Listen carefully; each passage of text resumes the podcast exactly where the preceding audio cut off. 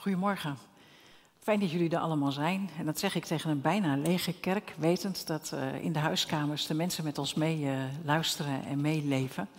En ik ben blij dat ik hier mag zijn om uh, Gods woord met jullie te openen en te kijken naar een stukje van wat Hij het ons te bieden heeft over verbinding, over een stukje roeping, hoe wij geroepen zijn, maar ook hoe wij ons als kinderen van God naar elkaar mogen gedragen, zodat we een veilig thuis zullen zijn. Een veilig thuis, want dat is het uh, thema van uh, dit jaar. En we willen daaraan werken. En dit is ook de eerste preek van een drieluik, wat we in dat kader zullen hebben met elkaar. En dan ben ik blij dat we aan het begin van deze ochtend mogen uitspreken dat onze hulp is in de naam van de Heere, die hemel en aarde gemaakt heeft, die trouw houdt tot in eeuwigheid en nooit laat varen het werk wat zijn hand begonnen is.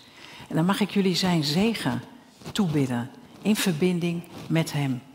Amen. Ik zou een stukje met jullie willen lezen uit Johannes. Dus als je je Bijbel uh, op de tafel hebt liggen, pak hem erbij. Johannes 15 vanaf vers 9. En daarin uh, vertelt de Heer Jezus het verhaal van de wijn, uh, wijnstok. Hij is de wijnstok, zijn vader is de landman. Jullie kennen dat stukje misschien wel. En vanaf vers 9 zegt hij: Gelijk de Vader mij heeft liefgehad, heb ik ook u liefgehad. Blijf in mijn liefde. Indien gij mijn geboden bewaart, dan zult gij in mijn liefde blijven. Gelijk ook ik de geboden van mijn Vader bewaard heb. En blijf in zijn liefde. Dit heb ik tot u gesproken, opdat, vervuld, opdat mijn blijdschap in u vervuld zijn. Dit is mijn gebod, dat gij elkander lief hebt, gelijk ook ik u heb lief gehad. Niemand heeft grotere liefde dan dat hij zijn leven inzet voor zijn vrienden. Gij zijt mijn vrienden, als je doet wat ik u geboden heb. Ik noem jullie niet meer slaven. Slaven weten niet wat hun Heer doet. Maar ik heb je vrienden genoemd, omdat ik alles wat ik van mijn vader gehoord heb, jullie bekendgemaakt heb. Niet jullie hebben mij, maar ik heb jullie uitgekozen. En ik heb je aangewezen, zodat je zou heen gaan en vrucht zou dragen. En zodat je vrucht ook zou blijven. Opdat mijn vader je alles zal geven wat je hem bidt in mijn naam. En dit gebied ik u, dat gij elkander lief hebt. Laten we bidden. Heere God, dank u wel dat we zo bij u mogen komen. Met de laatste tonen van zo'n prachtig lied nog in onze oren. En tegelijkertijd met deze prachtige woorden van u nog in ons hart. Wat veel liefde, Heer. Wat komt u met een enorme liefde naar ons toe. En wat is dat een veilig weten in alles. En Heer, u weet precies wie er zit te luisteren, hoe we ons voelen, waar we mee bezig zijn. En ik wil zo vragen, Heilige Geest, of u uh, wil raken of u de mensen aan wil raken daar waar het nodig is. Zodat we mogen groeien in die liefde, groeien in die kennis van u. Groeien in de verbinding met elkaar, ook al zijn we uit elkaar. Groeien in die visie, van dat open thuis willen zijn. Een open huis willen zijn in deze, in deze wereld. En dank u wel, Heer, dat u erbij bent. Wilt u met de mensen zijn die heel graag van alles en nog wat hadden willen doen, maar niet met computers om kunnen gaan? die niet weten hoe ze in de verbinding moeten komen. Wilt u met de mensen zijn in de gemeente die zich eenzaam voelen? Met de mensen die ziek zijn? Je we dragen ze aan u op. En we vragen om uw zegen, om uw betrokkenheid. Heer, dank u wel dat u zegt dat we mogen bidden, dat u zult horen. Dat u vrucht zult geven. En dat we u daarmee dan eren. Prachtig. Fijn om daarna te gaan kijken vandaag. Amen. Vanmorgen uh, hoorde ik een liedje. Uh, het was van Toontje Lager uit 1982. Ik heb het even opgezocht. Ben jij ook zo bang? Ben jij ook zo bang? Want er gebeurt van alles en nog wat om ons heen. Het is niet alleen COVID. Het is niet alleen een kabinet dat valt. Het is niet alleen dat je je zorgen maakt of je je werk kan houden, of je hypotheek kan blijven betalen. Er gebeurt zo verschrikkelijk veel. Precies wat jij ook net zei, Willem. Je kon vorige, vorig weekend niet bevroeden dat we in de situatie zitten waar we nu zitten. En ondertussen horen we verhalen van mutaties. En uh, uh, ja, hebben we allerlei uh, angstscenario's, doemscenario's. De kranten staan er vol mee. Ben jij ook zo bang? En hoe kun je dan een veilig thuis zijn in zo'n wereld die vol met angst zit? En in mijn beleving kan dat eigenlijk alleen maar wanneer we ons richten op de identiteit die we gekregen hebben van de Heere God. En daar zou ik vandaag met jullie naar willen kijken. Gedeeltelijk vanuit de Bijbel en gedeeltelijk met een stukje psychologie. Want je ziet aan de ene kant zie je dat we uh, in een wereld zitten die niet vreemd is aan de Bijbel. Eigenlijk moet je om het over veiligheid te kunnen hebben, moet je het eerst ook hebben over onveiligheid. Dus daar gaan we ook naar kijken vandaag. En dan moet je ook weer kijken naar, maar ja, wat geven wij aan definitie aan veiligheid? Wat is dat dan? En als ik dan helemaal naar het begin van de Bijbel ga, dan zien we daar een situatie die veilig was. Adam en Eva geschapen, wandelend in het paradijs. Een fantastische relatie met God, een fantastische relatie met elkaar. Wat wil je nog meer, zou je zeggen? En ze mochten bijna alles. Eén dingetje moesten ze niet doen. Dus ja, het was een super veilige situatie. Een situatie waarin ze helemaal zichzelf konden zijn, zich helemaal geen vragen hoefden te stellen over of ze wel genoeg waren of oké. Het was alleen maar, het was super veilig. En dan zien we dat dan de wereld in één keer op zijn kop komt te staan. En uh, dat wil ik ook met jullie lezen. De slang nu was het listigste, ik zit in Genesis 3. De slang nu was het listigste van alle dieren van het veld die de Heere God gemaakt had. En die zei tegen de vrouw, God heeft zeker wel gezegd dat je niet van een enkele boom mag eten in deze hof. Nou, je ziet de vrouw bijna nadenken van, heeft hij dat nou gezegd of niet? Want het was natuurlijk niet zo. En ze zegt dat ook. Ze zegt, nou, van de vruchten van de geboomte in de hof mogen we wel eten, maar niet van deze boom. Want God heeft gezegd, als je daarvan gaat eten, en je mag hem ook niet aanraken trouwens, dan zul je sterven. Dus de vrouw verzint er ook alweer wat bij. En dan ziet hij, hij gaat dan nog even door. Hij zegt van ja, maar je zult net zo wijs en net zo verstandig worden als God. En dat klinkt eigenlijk wel lekker. En dan gaat dat ook gebeuren. Dan doen ze dat, dan doet ze dat ook. En ze geeft ook haar man. En zo zijn ze samen in één klap van de paradijselijke veilige situatie af naar een onveilige situatie. En wat is die onveilige situatie? Dat op het moment dat ze die vrucht gegeten hadden, opeens zien ze dan dat ze naakt zijn. Opeens zijn ze niet meer oké. Er moet wat gebeuren. En ze maken schortjes van bladeren en bedekken zichzelf daarmee. En vervolgens horen ze God aankomen en dat hoorden ze altijd als hij aankwam. En dan waren ze blij en dan hadden ze contact met hem. Maar nu verbergen ze zich, dus ook de relatie met God wordt doorbroken. En dan zegt God van, mens, mens, waar ben jij? En dan zegt Adam, ja, toen ik uw geluid hoorde in de hof, toen werd ik bevreesd, want ik ben naakt. En daar zien we dat de mens zich eigenlijk niet meer goed genoeg voelt. Weg is bij zichzelf, weg is van die hele hechte relatie met God. En uit de relatie is die ze samen hadden. En dan zie je, nou ja, het is bijna exemplarisch wat er dan gebeurt. dat uh, God vraagt van, joh, hoe weet je dat dan, dat je naakt bent? En dan zegt Adam de, de notoire woorden, ja, die vrouw die u mij gegeven hebt. Daar zat het hem in. En de vrouw zegt, ja, maar goed, hè, dat was de slang. En die was natuurlijk ook gemaakt door God, dus ja, en zo probeert iedereen de schuld af te schuiven, maar de veiligheid is ver te zoeken hè, op dat moment. Die is er niet meer, de verbinding is weg. En het gaat verder. Het gaat verder met Kain en Abel, hun twee zonen. de mens had gemeenschap met Eva en, en, zij kreeg twee zonen. Eerst Abel en dan Kain. Eerst Kain en dan Abel, sorry. En de een die wordt herder, de ander wordt landbouwer. En Kain merkt dat als hij een offer brengt, geestelijk bezig is, spiritueel bezig is, dat God met zijn offer niet hetzelfde doet als met het offer van Abel. En dat steekt hem. En God ziet dat het hem steekt.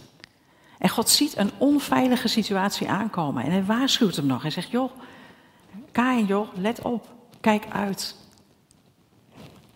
En het staat er zo typerend dat nog, God is nog niet uitgesproken of hij roept Abel en ze gaan samen naar een plek en hij slaat zijn broer dood. Onveiligheid vanaf het begin van de Bijbel. De wereld op zijn kop. Alles is eigenlijk stuk. En de mens zelf, de mens voor wie hij was, bedoeld om in die hechte relatie te zijn met God, zichzelf en de ander, staat eigenlijk nu uh, alleen in de wereld. Tuurlijk, ze zijn wel samen, maar nooit meer in die stevige verbondenheid.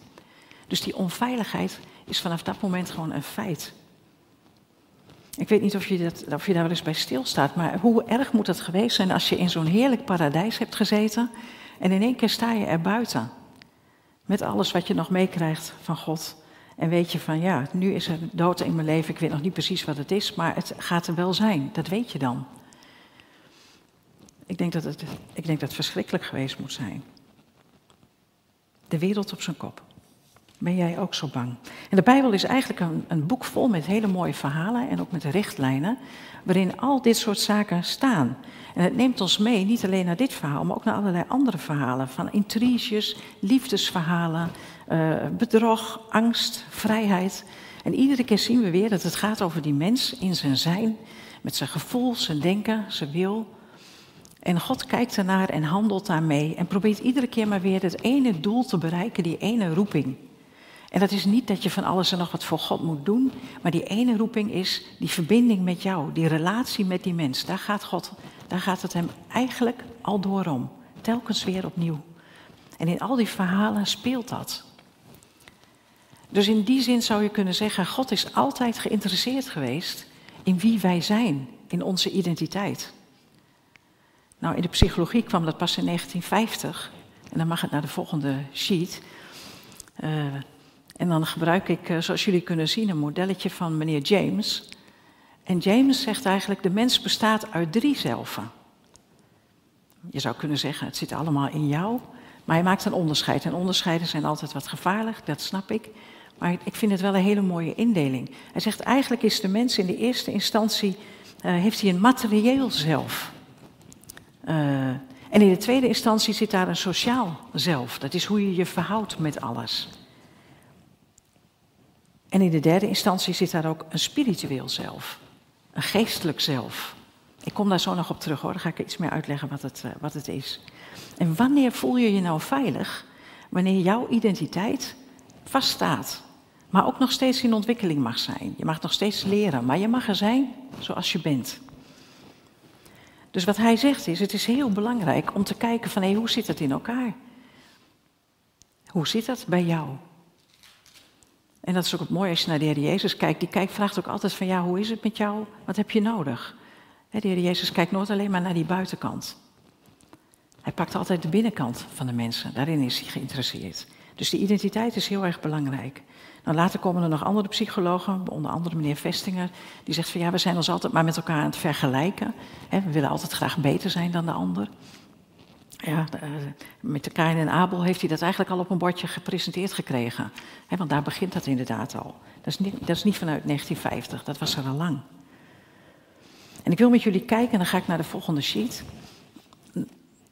Nou, die slaan we over, want die is te onduidelijk. Gaan we naar de volgende sheet. Want wat is nou dat materiële zelf? Het materiële zelf is alles waar je mijn voor kan zetten. Het is mijn huis. Het is mijn werk. Het is mijn kerk. Het is mijn alles wat van jou is en waar je je voor verantwoordelijk voelt. En dan ben je nog steeds, mag je nog steeds laten zien aan de buitenwereld wat je daarmee doet. Daar zijn we ook niet altijd eerlijk in. Dat zegt hij ook. Hè? Je kunt een materieel zelf hebben in jezelf. En heel erg materialistisch zijn, maar weten dat dat niet zo hoort als christen. Dus dan doe je laat je dat niet zien aan de buitenkant. Dat kan. Maar het zit er wel van binnen. Dus alles van jou waar jij mijn voor zit, hoort allemaal bij jouw materiële zelf. Nou, je ziet dat we daar nu de klappen krijgen hè, in de eerste instantie. We krijgen uh, de klappen door uh, dat we ons zorgen maken over onze gezondheid, over ons werk, over ons huis, over onze spulletjes, over alles, alles wat van ons is. Dus in Nederland zijn heel veel mensen nu heel onzeker, want die worden geraakt in dat materiële zelf. En er zijn maar twee reacties eigenlijk op. Er zijn natuurlijk meerdere, maar het zit allemaal op de lijn van rouwen aan de ene kant en agressie aan de andere kant. En dat zie je ook gebeuren. Er zijn mensen die zijn helemaal lam geslagen. Maar er zijn ook mensen die gaan de straat op en die willen tegen en die willen van alles en nog wat en die willen in beweging en die willen hier tegen vechten. Eigenlijk omdat het niet voor ons te accepteren is, want we zijn de grip kwijt. En in jezelf wil je wel graag die grip houden. Maar dit speelt ook in de kerk natuurlijk, hè? Wat is er van ons in de kerk? En hoe bepalen we het? En wat doet het met ons dat het allemaal anders gaat? Dingen om over na te denken. Als we doorgaan naar het sociale zelf, eh, dan zie je dat het, dat het gevormd wordt in relatie met de ander. En als we kijken in de Bijbel, dan zie je dat de relatie met de ander eigenlijk iedere keer centraal staat. Dat hebben we net ook gelezen. Hou van die ander. Heb hem lief. Net zo lief als ik jou heb lief gehad, zegt de Heer Jezus. Die heeft zijn leven voor mij gegeven. Dus hij vraagt daar wel wat van mij. En dan is er zo'n hele mooie lijn eigenlijk, ook weer zo'n continuum met aan de ene kant, en dan zou ik eigenlijk andersom moeten gaan staan, omdat het eh, in je, in je kamer komt het net anders over. Maar aan de ene kant heb je met eer en eerbied met mensen omgaan. En aan de andere kant, helemaal aan de andere kant van de lijn, zit het vernederen. En wij bevinden ons ergens op die lijn de hele tijd. En wij zijn over het algemeen niet zo heel erg erend naar elkaar, terwijl de Bijbel er wel vol mee staat.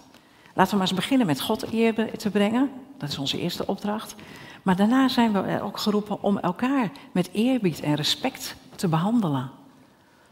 Dat is veiligheid. Veiligheid is niet alleen maar materieel weten waar je aan toe bent, maar sociale veiligheid, sociale identiteit hangt samen met of jij in de relaties die er zijn gewoon jouzelf mag zijn. En dat je daar met respect behandeld wordt. Het is zo'n plastic woord geworden, zo'n platte term, want ja, iedereen heeft het over respect. Uh, maar nee, dit is wat de Bijbel van ons vraagt. En waar zitten wij dan hè, als we met elkaar omgaan?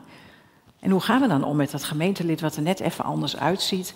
Of die, die misschien wel ziek is, of met iemand die, weet ik veel, een eigenschap heeft waar we niet tegen kunnen. Dan merk je dat wij heel snel uit het respect wegstappen.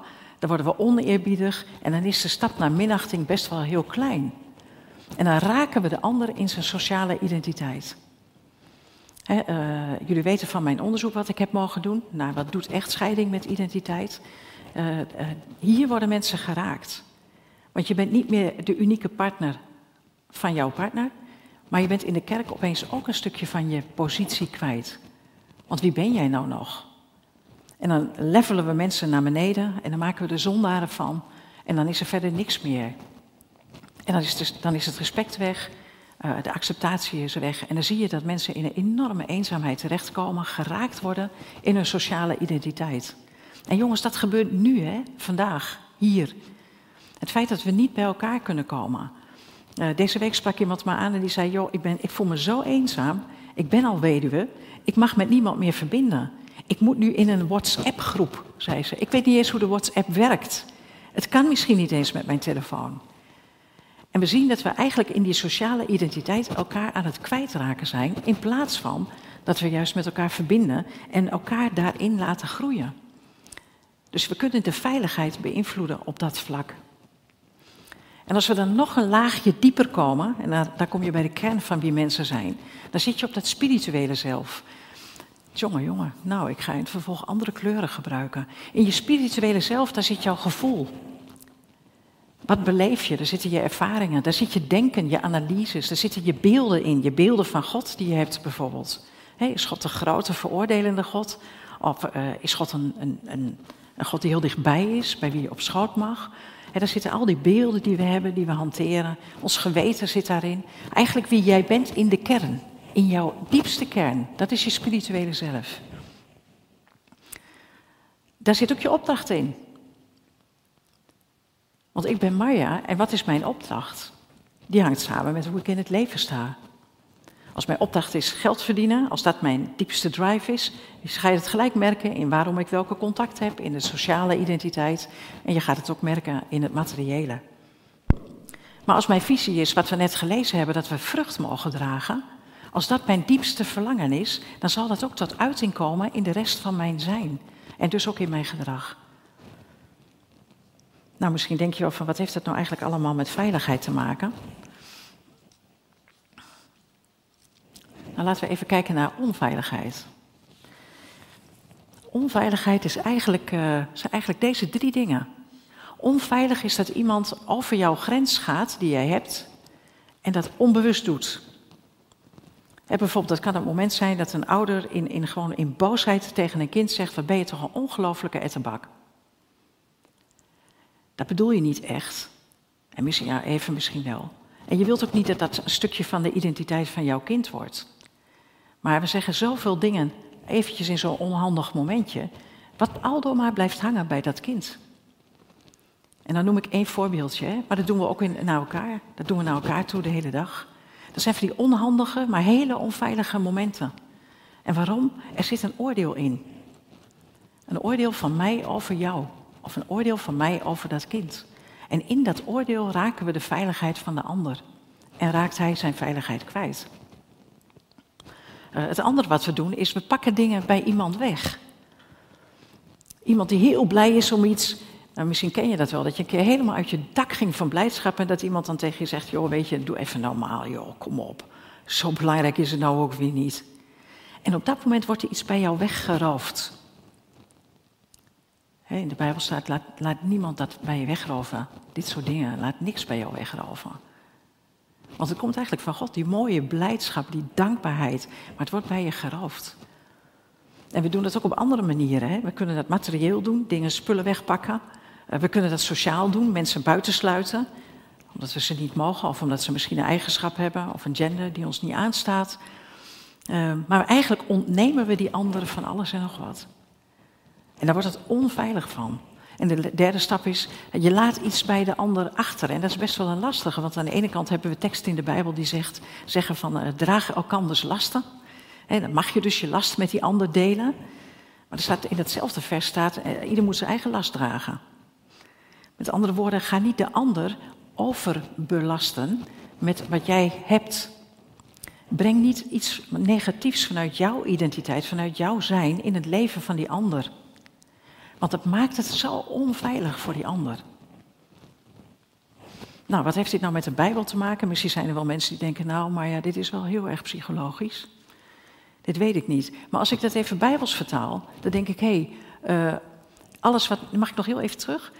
Uh, alles wat, uh, wat jou ontnomen kan worden, daar heeft Paulus een mening over, hè? Paulus die zegt van joh, ik kan wel eh, alles mijn vertrouwen stellen in het vlees of in mijn afkomst of alles wat van mij is, mijn materiële zelf. Maar ik acht het allemaal vuilnis. Want daar gaat het niet om. Het gaat om de relatie met Christus. Je sociale zelf, daar hebben we het de hele tijd over gehad eigenlijk. Met wat we lazen al. Heb, heb die ander lief. Dus het is niet iets wat tegen de Bijbel ingaat. Het zijn twee dingen die elkaar zo verschrikkelijk mooi bevestigen. Alleen we hebben wel een kracht daaronder zitten, een fundament. En dan wil ik wel graag naar de volgende dia. Wat we heel erg nodig hebben. En dat hebben we net gelezen. We mogen in de liefde blijven. We mogen de geboden van de Heer bewaren, zijn richtlijnen. We mogen elkaar lief hebben zoals de Heer ons heeft liefgehad. Ik lees het even voor, want misschien kun je het niet helder zien. En wij zijn de vrienden van de Heer Jezus. Niet de vrienden van Amstel Light of Amstel Gold, maar de vrienden van de Heer Jezus. Joh, dat is wat. Dat is identiteit. Dat is een fundament om vanuit te werken. Dan is mijn spirituele, mijn geestelijke kern, ah, die is helemaal blij en dankbaar en vervuld. Ik moet het wel vast blijven houden. Want doe ik dat niet, dan kom ik weer in die buitenkant. Dan ga ik naar het sociale, dan ga ik naar het materiële. Dus hoe belangrijk is het om dit vast te houden? En waarom? Om die vrucht te kunnen dragen. En dat is wel de bedoeling. We gaan naar de volgende sheet. Wat is nou christelijke identiteit? Dat is God liefhebben boven alles. Ook in COVID. Als jouw gesprekken alleen maar daarover gaan, joh, waar ben je jezelf dan mee aan het vullen? Maar we mogen ons vullen met Christus. We mogen ons vullen met die heerlijke Bijbelteksten die ons zo bemoedigen. We mogen ons vullen met de wetenschap dat Hij met ons zijn weg gaat. Uh, want we zijn kostbaar. Psalm 8, we zijn bijna goddelijk gemaakt. Joh, zoals we hier zitten, we zitten hier maar met een paar mensen, maar God heeft jou bijna goddelijk gemaakt. En hij heeft je gewild. Je bent geweven in de moederschoot zoals jij bent. Je bent gemaakt zoals je bent. Heerlijk is dat om te weten. En als je tot Christus gekomen bent, omdat je weet van hé, hey, ik kan dit leven in mijn, in mijn eentje niet leven. Ik kan de verbinding met God niet maken. Dan zegt God van nou, dan, heb je een, dan ben je gereinigd, je bent geheiligd, je bent een nieuwe schepping. Wow, wij zijn een nieuwe schepping. Nou, dat gewoon door laten dringen. Ik zou bijna nog langzamer willen preken, maar het kan niet om de tijd. Maar dat door laten dringen, dan wordt jouw spiritueel zelf, jouw geestelijk zelf zo stevig. Dan gaat het naar buiten werken. En dan heb je de, de, mag ik het zo zeggen, de stevigheid om ook de veiligheid te bieden aan een ander. Want je hoeft de ander niet meer te overrulen. Je hoeft de ander niet te overtuigen. Je mag leven in, de, in het geloof dat God ook zijn plan met die ander wel trekt. Want God gaat zijn weg met een ieder van ons, zoals we hier zitten. Ja, mag naar de volgende. Waar zijn we veiligheid aan het bewerken? Wij mogen veiligheid bewerken op heel veel gebieden. Uh, de aarde, uh, onszelf. Maar laten we het heel dichtbij beginnen, gewoon hier in de gemeente, met de mensen die hier zijn. De mensen waar we gewoon dagelijks mee te maken hebben. Of juist waar we dagelijks niet meer mee te maken hebben, omdat we ze niet meer zien. Mensen die zich misschien dus heel onveilig voelen, geraakt zijn in hun identiteit. En die misschien jou juist heel hard nodig hebben om daar een stukje genezing en herstel in te, aan te brengen. Dus we hebben een, eh, we hebben een, eh, een opdracht. Hij mag wel verder hoor. En de opdracht is dat we ons realiseren dat als wij een veilig thuis willen zijn, dat dat dan begint bij onze eigen identiteit. Als die stevig is, dan kunnen we vanuit die identiteit uitreiken naar een ander.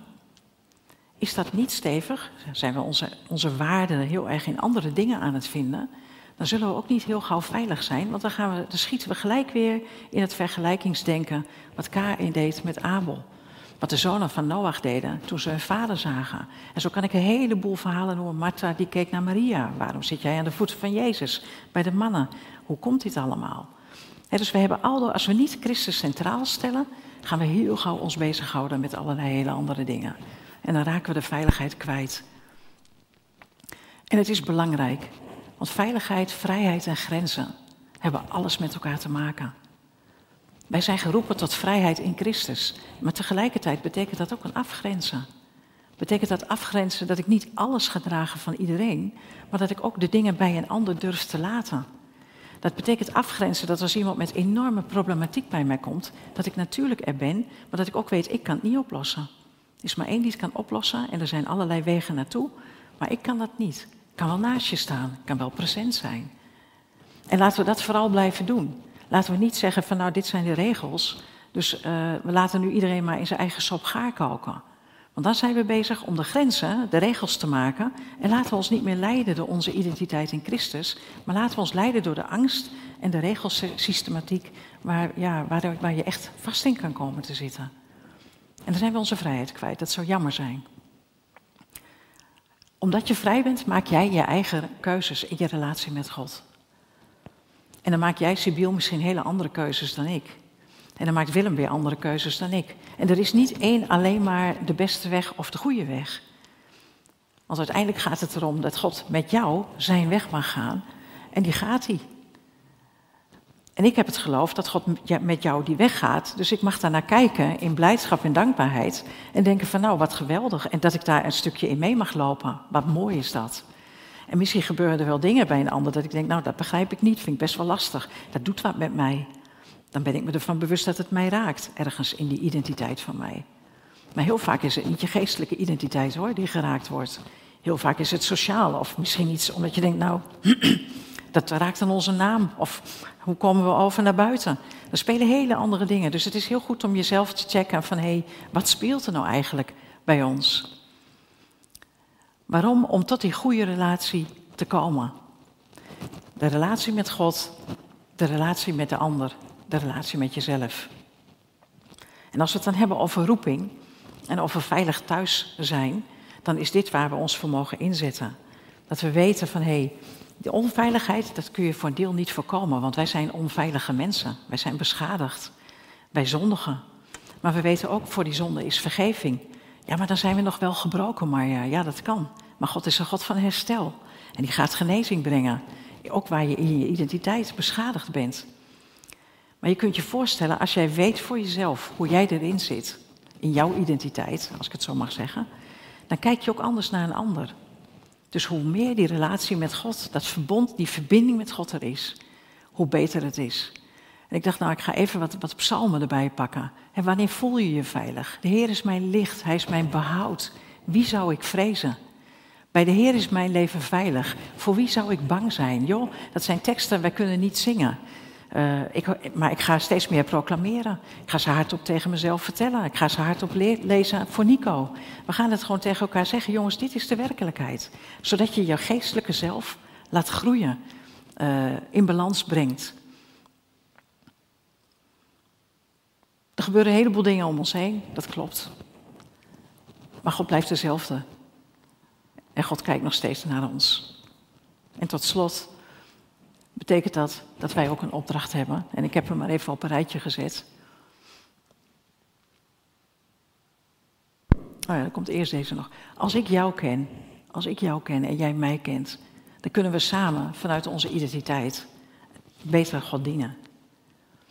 En als we dan in de aanloop zitten van een week na gebed, een week van gebed, want dat hebben we met als thema Blijf in mijn liefde, dan is het belangrijk dat je die ander kent. Want waar, gaan we anders voor bidden? Voor materiële dingen. Voor de kerk, voor het gebouw, voor de gemeente. En dan houden we het gewoon mooi oppervlakkig aan de buitenkant. Het wordt interessanter als je iemand diep kent en weet van ja, maar daar worstelt hij mee. En daar, dat raakt hem. En daar is hij zijn sociale netwerk, in zijn identiteit is hij daar kwijt. En hij is beschadigd. Daar mogen we voor bidden. We mogen bidden voor herstel. Dus je merkt dat als je wil gaan bidden met en voor elkaar, hoe belangrijk het is om elkaar echt in depth, in diepte te kennen. Zoals eigenlijk alleen Christus ons elkaar kan leren kennen. En dan komt de opdracht van, hoe doen we dat dan? Een veilig open thuis is, betekent een veilig klimaat hebben. Iets warmer dan het nu is ook graag. Ehm, maar waar we ons allemaal welkom voelen en welkom weten. Waar je ook vandaan komt en wat je ook doet. Het betekent jezelf en de ander leren kennen en weten dat wat jij doet bouwt of breekt in het leven van de ander. Ja joh, daar moet je allemaal niet zo zwaar aan trillen, zeggen mensen dan. Dat maakt toch niet zoveel uit, weet je.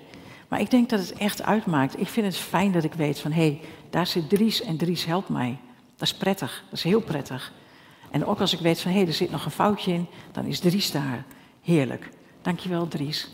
Dat helpt mij. Met andere woorden, en hij weet, oh, daar komt Maria, die komt weer aanstuiteren. Dat, dat weten we al van Maria. En er zit misschien wel weer een typfoutje in, dat zou best wel kunnen, dat weet hij ook al. Dus hij weet het al en daarmee krijgen we een ander soort verbinding. Hij weet hoe ik in elkaar zit en ik weet dat hij heel rustig blijft en gewoon zijn blijft doen en zegt, nou, uh, ja, dat is ook zo. En dan probeert hij ook nog out of the box iets te bedenken. Nou, dat bedoel ik dus, hè, in de kern elkaar weten, te weten en kennen en erkennen. Hij bouwt mij op het moment dat hij mij begint te helpen. Hij bouwt mij ook als hij zegt, dit gaat niet lukken, Marja. Maakt niet uit, maar hij zegt dat heel vriendelijk namelijk. En hij bouwt mij. Hij had ook kunnen zeggen, oké, ik had het kunnen weten zondagmorgen, maar ja. Tja, en dan breekt hij mij af. Er is niet veel voor nodig hoor, klein dingetje is genoeg. En dan word ik onzeker en sta ik hier anders voor dan nu. Dus met andere woorden, ik gebruik het even als voorbeeldje. We zijn of elkaar aan het bouwen, of je breekt op. Joh, wat ben jij aan het doen in de kerk? En hoe kunnen wij elkaar nou nog meer bouwen in die identiteit in Christus? En laten we blijven wandelen, en daar wil ik ook mee, mee afsluiten. Laten we blijven wandelen in die relatie met God. Laten we elkaar daar ook op blijven bevragen. Veel, hoe gaat het met jou? Hoe is het? En laten we eens niet genoegen nemen met het, met het algemene antwoord van ja, verder goed hoor, maar ja, het is wel een beetje alleen hè. En dat je dan niet zegt, ja dat klopt, punt. Maar dat je ook echt de verbinding aangaat en zegt, joh, vertel eens. Zodat je met, met die ander mee in haar of zijn ziel mag kijken, om elkaar werkelijk te kunnen bemoedigen. We gaan afsluiten. We gaan luisteren naar een eh, lied. Stil, mijn ziel, wees stil. En uh, ik wil jullie daarna ook even de tijd geven. Ga niet gelijk aan de koffie, maar even de tijd geven om voor jezelf na te denken en te reflecteren. Van hé, hey, hoe zit ik erin? Uh, waar sta ik zelf eigenlijk? Misschien kun je samen een moment van gebed hebben. En uiteindelijk zal ik dat afsluiten met de zegen.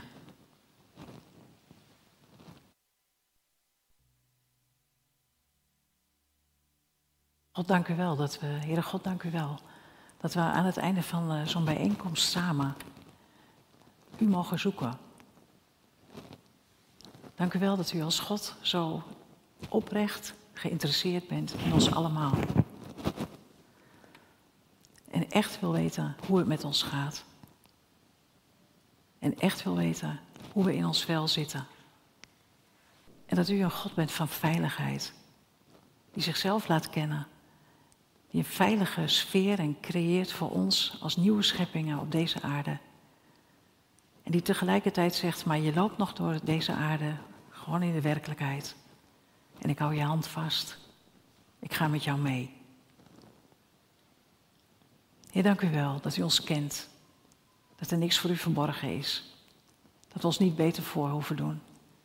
En dat we onszelf mogen laten zien aan u. Maar ook aan elkaar. Zodat we elkaar ook beter kunnen bemoedigen en versterken uiteindelijk tot uw eer, heren. Zodat we samen vrucht gaan dragen. En dank u wel dat we uw nabijheid mogen uitbidden, ook over de komende week. Over Vonger en Jeannette, die zoveel werk hebben verzet om dat allemaal voor te bereiden. Over iedereen die betrokken is. Om met elkaar en voor elkaar te bidden. Om met elkaar samen u te zoeken. En zo samen, meer samen gebonden te worden, juist in deze tijd van distance, van afstand. En dank u wel, Heer, dat ik de mensen zoals ze zitten te luisteren en hier zijn, mag zegenen. En dan mag ik je zegenen met de zegen uit nummer 6. De Heere zegenen en behoede jou. De Heere doet zijn aangezicht over jou lichten en zij jou genadig. De Heere verheffen zijn aangezicht over jou en hij geeft jou zijn shalom, zijn vrede, in aanwezigheid en veiligheid en in relatie met Hem. Amen.